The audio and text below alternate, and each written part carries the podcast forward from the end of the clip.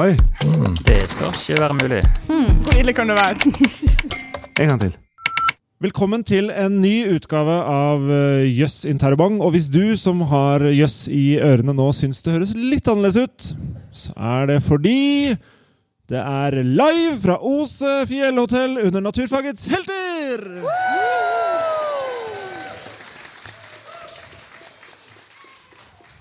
Og de engasjerte stemmene og hendene du akkurat hørte, tilhører noen av de mest eh, engasjerte naturfagslærerne og formidlerne, naturvitenskapsformidlerne landet har å, by på. Så har du hatt en fantastisk naturfagslærer, så er jeg ganske sikker på at personen sitter her i dette rommet og skal høre på tre raringer dele eh, fekte med fun facts. Det er eh, Ida Katrine Gravensten. Velkommen! Takk. Takk for det. Rettsmedisiner og doktor. Altså, du, du kan ikke være rettsmedisiner uten å være Ikke sant? lege. Uten å være lege. Men jeg er doktor i tillegg. Jeg vet. sånn. Så doktor i begge. Ja, både med O og med Å. Eller ja, vet ikke. Uh, ved din side, uh, Ivar Lien, kjent som Nysgjerrig-Ivar for mange her i hvert fall, og for mange på, på Instagram. Velkommen! Takk. Hva er du egentlig? Eh, egentlig er jeg potet. Uh, kan litt om litt forskjellig. Men jeg er naturforvalter, sånn i bånn, da. Naturforvalter. Ja. Men jobber nå som lærer? Jobber som lærer på videregående skole. Ja, ikke sant. Og jeg har bedt dere ta med noe av det rareste dere vet om, eh, for å prøve å få mest mulig applaus fra denne gjengen her til slutt. For under under liveinnspillinger så er det dere i publikum som bestemmer hvilken av disse som er aller mest jøss. Så da lurer jeg jo på, da, hva dere har med. Hva har du med i dag, eh, Ivar? Nei, jeg lar meg jo fascinere av ting jeg møter på ganske ofte. Og i dag så tenkte jeg å fortelle noe artig om eh, noen som alle dere har møtt nylig på sopptur. Selv om dere ikke har vært på sopptur. Oi! Oh, jeg tror jeg har en liten uh, feeling på hvem det kan være. Mm, men vi kan ta det etterpå. Spennende. spennende. Litt opptatt av sopp. Hva med deg, eh, Ida? uh, nei, jeg er jo uh, Jeg er trebarnsmor. Har fortsatt en som går med bleier. Og har da nødvendigvis eh, fått med meg at bleier utgjør et ganske stort miljøproblem. Engangsbleier. Vi vurderte til og med eh, Eller det vil si, jeg vurderte tøybleier, Ja. men det ble nedstemt. Ja. For å si det sånn. Fordi Ja. begge har vetorett. Så da gikk vi for engangs. Og eh, de brytes jo ikke ned. Så de må jo brennes. Så folk skjønner jo at det er et problem miljømessig. Så da, eh, men jeg har funnet ut en metode som gjør at man kan få denne haugen, denne, disse fjellene av bleier, til å bli til delikat, smakfull mat. Åh! Ja. Serveres på neste års eh, Naturfagets helter. på buffeen, middagsbuffeen. Jeg eh, tenkte rett og slett jeg skulle Altså Vanligvis så er det jo eh, vi raringene som skal bestemme oss hvilken som er Så vi skal prøve å imponere hverandre. I dag skal vi imponere publikum, så da tør jeg nemlig å gå litt inn på Idas felt. Jeg skal snakke om verdens raskeste kirurg. Mhm. Tror du Ringer det noen bjeller? Nei, Å nei, Nei, gøy, det- gøy. Kanskje jeg klarer å overraske deg òg. Verdens raskeste kirurg. 28 sekunder på en kneamputasjon. er det et menneske? Nei, det var det du skulle Er det en, er det en, er det en konkurranse du har lyst til å stille opp eh, i? Eller være pasient i? Det kommer det mer om etter hvert. Så eh, hva, hva dette vil dere høre mest om først? Ida? Nei jeg, Ja, men så spør, spør dere oss? Ja, jeg spør ja, dere. Ja, nei, jeg er interessert i kirurg, jeg, da. Kirurg? Ja. Jeg er interessert i den du møter på i skogen. Og jeg er interessert i bleiene. Ja, da er vi like langt. Da er vi like langt. Skal jeg være litt Jeg er tøff og begynner, jeg. Hvis det er greit for dere. Det er greit. Ja, da Jeg må få dette av skuldrene mine og ut av hodet mitt. Tenk deg at du ligger på et bord i en eh, gammeldags operasjonsstue. Fjes stirrer ned eh, på deg fra balkongen, for i gamle operasjonssaler så var det litt sånn publikumsbalkong. Ehm, og beinet ditt det banker av smerter fra et brukket bein og en infeksjon som akkurat har begynt å sette inn. Eh, døra går opp, og inn kommer det tre menn i forklær, forklær som er stive med gammelt blod.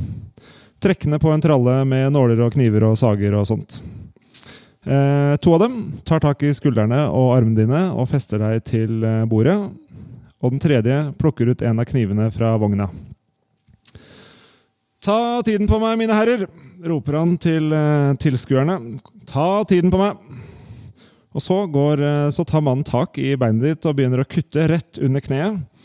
Han eh, fortsetter å holde fast i beinet ditt mens en av medhjelperne hans strammer en sånn turniké, er det det heter? En sånn, Ja. sånn bånd, sånn belte for å ja, stoppe blod, blodspruten, antakeligvis. Eh, stramt eh, rett overfor eh, kuttet. Og for å frigjøre den ene hånda som han trenger til noe annet, så tar han kniven, som er dekket i blod, og setter den under tenna. Plukker opp en sag, og så skjærer han sager han fram og tilbake gjennom beinet ditt. Eh, helt til den avkutta delen av beinet faller ned en bøtte fylt med sagflis. Så sier han kjapt igjen, etter applaus fra tilskuerne. Og de har timet hele denne prosedyren. Eh, fra første snitt til å klippe de eh, løse trådene når de har sydd. Og i dette tilfellet, som jeg snakker om nå, to og et halvt minutt ca. Og det her høres kanskje ut som en uh, scene fra en skrekkfilm. Men dette er faktisk uh, sånn et, ja, jeg, vil, jeg vil påstå at det er en ganske typisk prosedyre på en kirurgisk avdeling på 1800-tallet. Ikke helt uvanlig i dag heller, faktisk. Bortsett fra at det der uh, med at det skal gå så kjapt i svingene, ikke er Ikke er så like- viktig. Ja. Fordi eh, altså Alle detaljene i denne historien Det har, jeg har laget historien, men alle detaljene er plukket fra ulike gjengivelser av eh, operasjonene til en eh, dr. Robert Listen. Um, og det høres jo grusomt ut, syns, syns jeg, men på 1800-tallet så ville du altså, dette, Hadde dette vært deg, så hadde du vært en av de heldige pasientene. Og Han går inn i historien som en av de, de beste kirurgene gjennom tidene. og det, eh, Han kalles faktisk den raskeste kniven i West End i en av kildene. Eh, og Det virker brutalt og uforsiktig, og sånn, men hastighet var jo helt avgjørende før vi fikk anestesi. Før du fikk noe hjelp, så ville du at det skulle, at det skulle gå fort. Eh, langsomme kirurger de fikk noen ganger eh, smertefulle og paniske pasienter som eh, kjempa seg løs fra assistentene og begynte å flykte, prøvde å flykte ut fra operasjonssalen og etterlate seg blodspor og innvoller. ikke sant? Du har ikke lyst til å Nei, du har ikke lyst til at det skal skje. Og på denne tiden eh, Kanskje én av ti av listens eh, pasienter døde på operasjonsbordet, mens det vanlige var mer sånn én av fire som døde. Så han hadde en ganske god score, han, eh, han fyren her. På London University College. Ja da, det er bra dere akkurat har spist eh, middag. Um, disse raske hendene hans de var så ettertrakta at pasienter noen ganger de, de slo leir på venterommet uh, i flere dager mens de venta på at han kanskje skulle få uh, tid til dem. Litt sånn som det er polkø eller uh, nyeste Xbox-spillet eller sånn i dag. Ehm, og han prøvde å, å, å nå over, eh, over alle. Uansett uh, tilstand. Og spesielt så elska han å ta de pasientene som kollegaene hans på andre sykehus hadde sagt nei til. Og så skrøt han av det etterpå. da. Så han, blant sine samtidige så var han en litt sånn ufordragelig prangende type. Um, Jeg kan se for meg at uh, du sa det kanskje, men at det også minimerer kanskje litt blodtap. På den tiden. At man gjør det kjapt. Ja. Får liksom på turnikeen. Kjapt av, kjapt lite blod. sydd igjen, og så ja. Ja. Så det å være rask var, en, en, det var mye viktigere den gangen. da. Um, og noen ganger så gikk det litt for fort. Han var kanskje litt for rask. Det er en eh, beskrivelse at han en gang kom i skade for å skjære av en pasients testikler sammen med beinet han skulle amputere. Hva med feil bein? Er det, skjedde det? Nei, ikke feil bein, men eh, den, dette, Og det at han skar av en fyr testiklene, er ikke den mest kjente feilen han har gjort. Eh, Hva ville du valgt? Testiklene eller feil bein? Eh, testiklene. Ja. du hadde det, ja? Ja, ja. Du er ferdig med å få barn, eller? Hva, Er du ferdig det spørs om du mener beholde eller kutte da. Å ja, sånn, ja. Ok.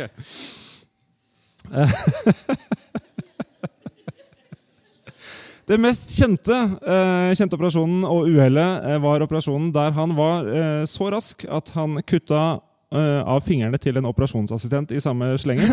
Da han skar gjennom et bein. Og da han veldig raskt etterpå skulle bytte redskap, så kom han i skade for å liksom sneie borti og kutte opp store deler av frakken til en tilskuer. Som faktisk ikke ble skada, men ble eh, så, så redd. da. Så både pasienten og assistenten døde senere av infeksjoner i sårene deres. Og tilskueren var så redd at han fikk eh, Han trodde han blitt knivstukket. Så redd at han døde av sjokk. Derfor sies det at dette er den eneste operasjonen i historien med en 300% dødelighet. Wow. Det var, eh, det var min. Men han klarte å kaste riktig kroppsdel etter at han hadde amputert, selv om det gikk fort. Ja, eh, det var jo ja. Det er jo viktig. Jeg merker jeg angrer litt på at jeg sa at det er litt sånn det fungerer i dag. Ja, for- Men, men jeg, sånn har, jeg har vært med på operasjon hvor vi har amputert et bein Ja, i turnus. ja. Eh, og det er jo, altså i hvert fall for en som da Da var jeg fersk turnuslege, som aldri har sett det før. Eh, unektelig litt grann brutalt.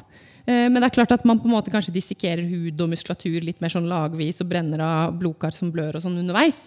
Men akkurat den sagingen av bein, den er nok til forveksling ganske lik, altså. Jeg, jeg ble litt sånn uvel, jeg. Får eh, ja, frysninger på ryggen. jeg vet ikke, altså Det kan være at eh, ortopedene blir veldig sånn fornærmet over at jeg sier det, men de er jo liksom litt eh, medisinernes cowboyer, de, altså. Ja. Snekkere? Nei, hva er det, hva er det de, Ja, uff, sager og Ja. Ja. Jeg tror de liker bedre at jeg sier cowboy enn snekker. Okay, eplekjekke. Ja. Hvem vil uh, fortsette? Nei, det passer kanskje dårlig med mat etter en sånn historie, så jeg kan kanskje kaste meg på. Du kaller bleiene Tida for mat? Det er greit? Ja. Eh, ja, nei, vi, eh, vi går jo gjerne ut for å spise, men eh, den jeg skal fortelle om nå, den eh, går inn for å spise.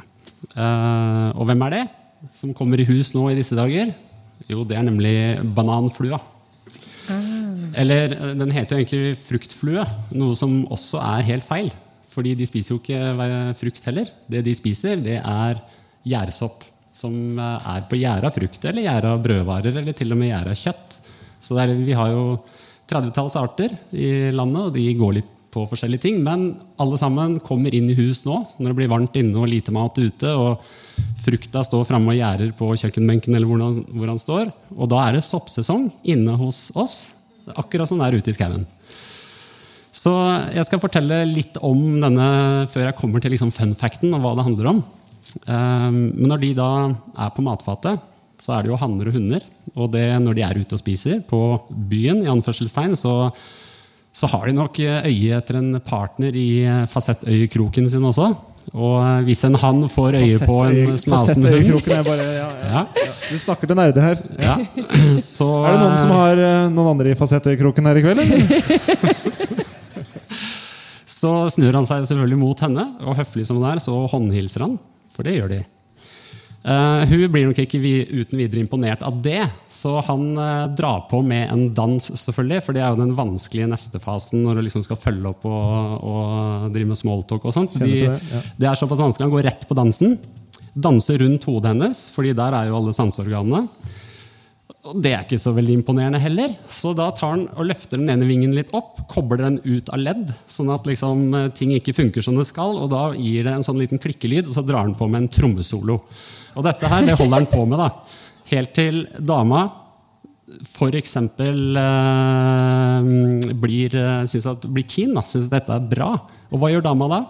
Jo, hun drar det derre 'Å nei, ikke ta meg i kortet'. Det- Og så stikker hun. Og hvis han klarer å ta igjen hun, da drar han fram snøfnugget sitt. Eh, og det er altså, Penis er ganske lang, men på tuppen der så sitter det en sånn eh, krusedull som egentlig ser ut som masse snøfnugg som er stabla tredimensjonalt oppå hverandre med masse utvekster. Ligner litt eh, på en sjøanemone med borrelås på enden. Og de har lurt på hvorfor han har eh, dette utstyret. Og det er rett og slett for å klare å henge på. Eh, vil være med seg henge på. Fordi de har prøvd å kappe av disse her, og da detter han av i paringsakten. Den varer ca. ti minutter, og de uten borrelås de detter av med en gang og får ikke formert seg. da. Det, vi er fortsatt ikke på fun facten ennå. Eh, men hvis, eh, eh, hvis det blir et nei etter denne trommesoloen, så bare fortsetter hunden å spise på banansoppen sin. Eh, og da skjønner han at slaget er tapt. Og hva gjør han da? Jo, Han går til den delen av bananen der det har gjerda mest, for der er det mest alkohol. Han går i baren. Det det er vist at hanner, bananflue, eller fruktfluehanner som blir avhist, aktivt oppsøker etanol og Wow. mesker seg til de får en fire ganger så høy etanolkonsentrasjon i blodet som de hannene som nettopp kom hjem fra paringa. Så, dette har vi jo hørt om før. ja, de, de selvmedisinerer seg eh, i sin ulykke for å bli mer lykkelige. og det som da skjer er at eh, Etanolen frigjør et stoff som reagerer i hjerneganglionene som et sånn belønningshormon. da, For å gi seg selv lykkefølelse. Det blir en bra dag på byen uansett. Det var så mange eh, anerkjennende nikk fra publikum her som bare ja, ja, ja. ja. Av begge kjønn. eh, Kjenner den igjen. Og alle liksom tok den der anekdoten med snøfnugg-referansen. Den Yes. tok alle. Det syns jeg var ganske imponerende. Veldig bra. Veldig bra. Imponert over publikum. Takk. Strålende. Eh, da er det din tur, da, Ida. Jeg er liksom litt skuffet, fordi jeg var helt sikker på at du skulle snakke om hjortelusflua. Nei. Snakke om det insektet vi alle møter når vi går etter sopp, liksom. Den, eh, ja. Den Jeg, skulle gjerne hørt mer om den. Men eh, ja, fint. eh, nei, jeg skal snakke om disse bleiene, da. Eh, og eh, det er jo sånn at jeg tror eh, Jeg måtte jo google dette her. For til mitt forsvar da, så har jeg jo forberedt dette på hotellrommet sånn etter at vi satt nei, to og en halv time og fikk halvtimes oppdateringer på hvordan det lå an med toget Ja. på Oslo S. Så spurte jeg kan du være med på Jøss. Ja. Så sa de eh, ok. Ja, Det er ikke for å nedtone det. Dette er ganske kult likevel. Altså. Men eh, eh, det er jo eh, hvert barn ifølge NRK bruker noe sånn som eh, seks til ni bleier om dagen. Noe jeg syns virker rimelig. I hvert fall sånn etter hvert. Seks bleier. Eh, så i løpet av tre til fire år så blir jo det mellom 6500 og 10 000 bleier. Og norske barn er treige med avvenning. Eh, og det er noe sånt som ett tonn med avfall. Ganske mye. Eh, og dette fjellet av bleier tar jo flere hundre år å bryte ned på en søppelhaug eller i havet. Sånn at de brennes jo og frigjør karbon til atmosfæren. Så for å finne en metode som eh, gjør at vi kan kvitte oss med dette på en litt mer bærekraftig måte, så må vi til mitt favorittrike, som du allerede har vært innom, som er soppriket. Selvfølgelig! Eh, fordi sopp, det vet dere jo, de er jo eh, virkelig fenomenale nedbrytere i naturen. Eh, og de bryter jo stort sett ned trevirke. Det er liksom det de, de fleste av dem er spesialisert på. Og dødt plantemateriale. Men de er generalister. De kan lære seg å spise og livnære seg av det meste. Og Derfor så finner vi dem jo gjerne på eh, sofaputer i en fuktig kjeller. Eh, vi kan finne dem i taket. Vi kan til og med finne dem i frontlyktene på biler. Det er helt sjukt. Og det her har jo da eh, forskere utnyttet seg av. Eh, dere vet jo sikkert at eh, i motsetning til dyr, så har sopp en, nei, en utvendig fordøyelse. Altså dyr fordøyer, Vi mennesker og dyr fordøyer mat inni eh, mage-tarmsystemet, mens soppen skiller ut sterke enzymer. Borer disse sopptrådene sine inn i eh, næringen og slurper de i seg. Eh, så, og det gjør de jo med alt som de spiser. Eh, og de her sterke enzymene er jo det man utnytter. Da. Eh, så i og med at soppen da er så allsidig, så, man, så kan man lære den å spise det aller, aller meste. Eksperimenter har jo vist at de kan bryte ned oljesøl, eh, ugressmiddelet glysfosfat, til og med den her nervegassen som de brukte i gasskamrene under andre verdenskrig, som var i bestanddel av syklon, syklon B. Ja. Eh, og, ja. Eh, og dermed da også bleier. Eh, for bleier er jo eh, inneholder eh, cellulose, blant annet, som er et vanlig forekommende organisk materiale. Men også, og det er her jeg må ha den her eh, huskelisten min, for jeg syns det er så vanskelig, eh, polyetylen, polypropylen og natriumpolyakrylat. Og det siste er jo disse her Jeg vet ikke om noen av dere har prøvd å Eller har kast, mistet en bleie, en litt for full bleie i gulvet noen gang, og den sprekker. Da drysser du ut noen sånne små liksom eh, Eller hvis du har sett en hvilken som helst film med snø.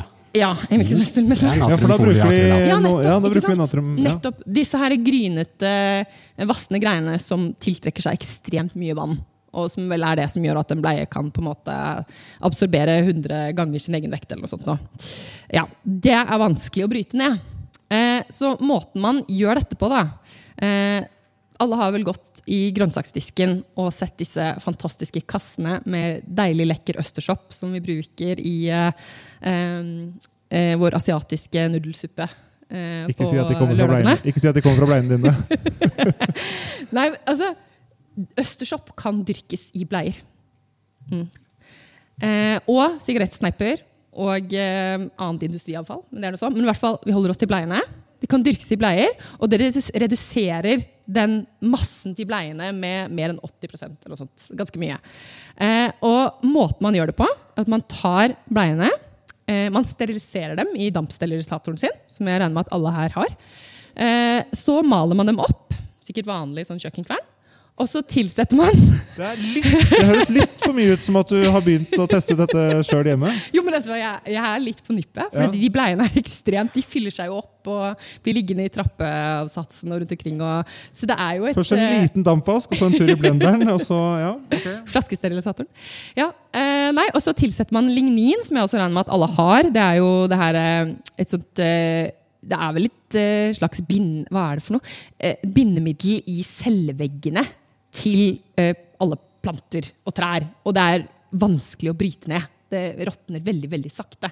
Det tilsetter man, fordi det er jo sopp veldig glad i. Og så putter man alt det her, inkuberer det i en eh, lukket plastpose. Da må man ha nok fuktighet og varme og en del sånne ting. Og så utvikler denne soppen seg. Og så må man tilsette masse soppsporer. Og disse soppsporene får du jo kjøpt på nett. Du får jo kjøpt dem overalt. Jeg har jo til og med hatt mitt eget sånn kaffegrutdyrkesett med østersopp og laget østersopp. Så dette er jo fullt mulig, folkens. Man har det der da i tre uker. Og så må man da snitte noen hull i denne posen og sette den litt kaldere og litt, kjø eh, litt fuktigere og litt kjøligere. Og sånt. Og så popper det frem fantastiske, bleke, deilige, delikate og fullt spiselige rene østersopp. Hvor langt unna er du selv? Og hva er det som stopper deg? Altså, Er det ligninen det står på? Jeg kan skaffe litt lignin. hvis, hvis jeg kan begrense meg til tissebleier, så tror jeg faktisk at jeg hadde gitt et forsøk. Altså. Men det er lignine. lignine. Hvis du skaffer meg det, Andreas. Det- Så, Bare et lite sånn praktisk spørsmål. Eh, sopp driver jo selvlanding. Ergo trenger de oksygen. Ergo kan man ikke pakke de helt lufttett. Det må jo bety at det må stå åpent på kjøkkenbenken med disse bleiene som du skal høste soppen av. Har du eller tenkt noe? ja. Jo, du lukter kanskje bæsj av bæsj etter at det har blitt dampsterilisert også. Ja, det tenkte ikke jeg på, men det, det, må jo ha oksygen. Ja, det må nok det. Ja. det, må nok det til en viss grad. Så kanskje sånn ha bygget mye. et eget sånn sopp... eh, Det heter jo ikke herbarium, da, men eh, et inkubatoravdeling. Ja. Kanskje en fordel. Må det ha oksygen i alle deler av prosessen? Altså, mener du Sopphyfene du vokser jo ganske sånn langt ned i bakken. Og, eller eller er det på en måte på fruktifiseringsstadiet det trenger det? Har ikke peiling. Jeg Men lurer- jeg lurer eh, generelt trenger hver eneste celle i en, i en sopp trenger jo oksygen. Så da Nettopp. Men de kan kanskje, kanskje bare en bitte liten del av mycelet trenger det. Og så på en måte frakter de Sånn det gjennom hyfesystemet, sånn som de gjør med vann. Mm. Spennende. Jeg skulle gjerne fortsatt den nerdingen langt ut i eh, mycelet, men det må vi stoppe. For nå skal eh, 100 raringer på OC fjellhotell bestemme seg for hvilken av disse tre dere syns var aller mest jøss, og dere svarer med applaus og eh, jubling. Eh, så da eh, er spørsmålet om dere syns det var mest jøss med 300% dødelighet. Da klapper dere nå. Ja, litt høflig applaus der. Hvis dere syns eh, borrelås på tissen var mest eh, gøy, så klapper dere nå. Oi, oi, oi. Og hvis dere syns østersopp på bleier var gøy, så klapper dere nå. Jeg tror det var, det var seier til deg, Ivar. Det Det var var tusen hjertelig takk. Det var stas. Ja, Du får lov til å eh, sjekke med borrelås i baren i kveld. Mens eh, Ida må hjem og dyrke sopp på um, bæsjebleiene. Eh, tusen takk for at dere kom, begge to.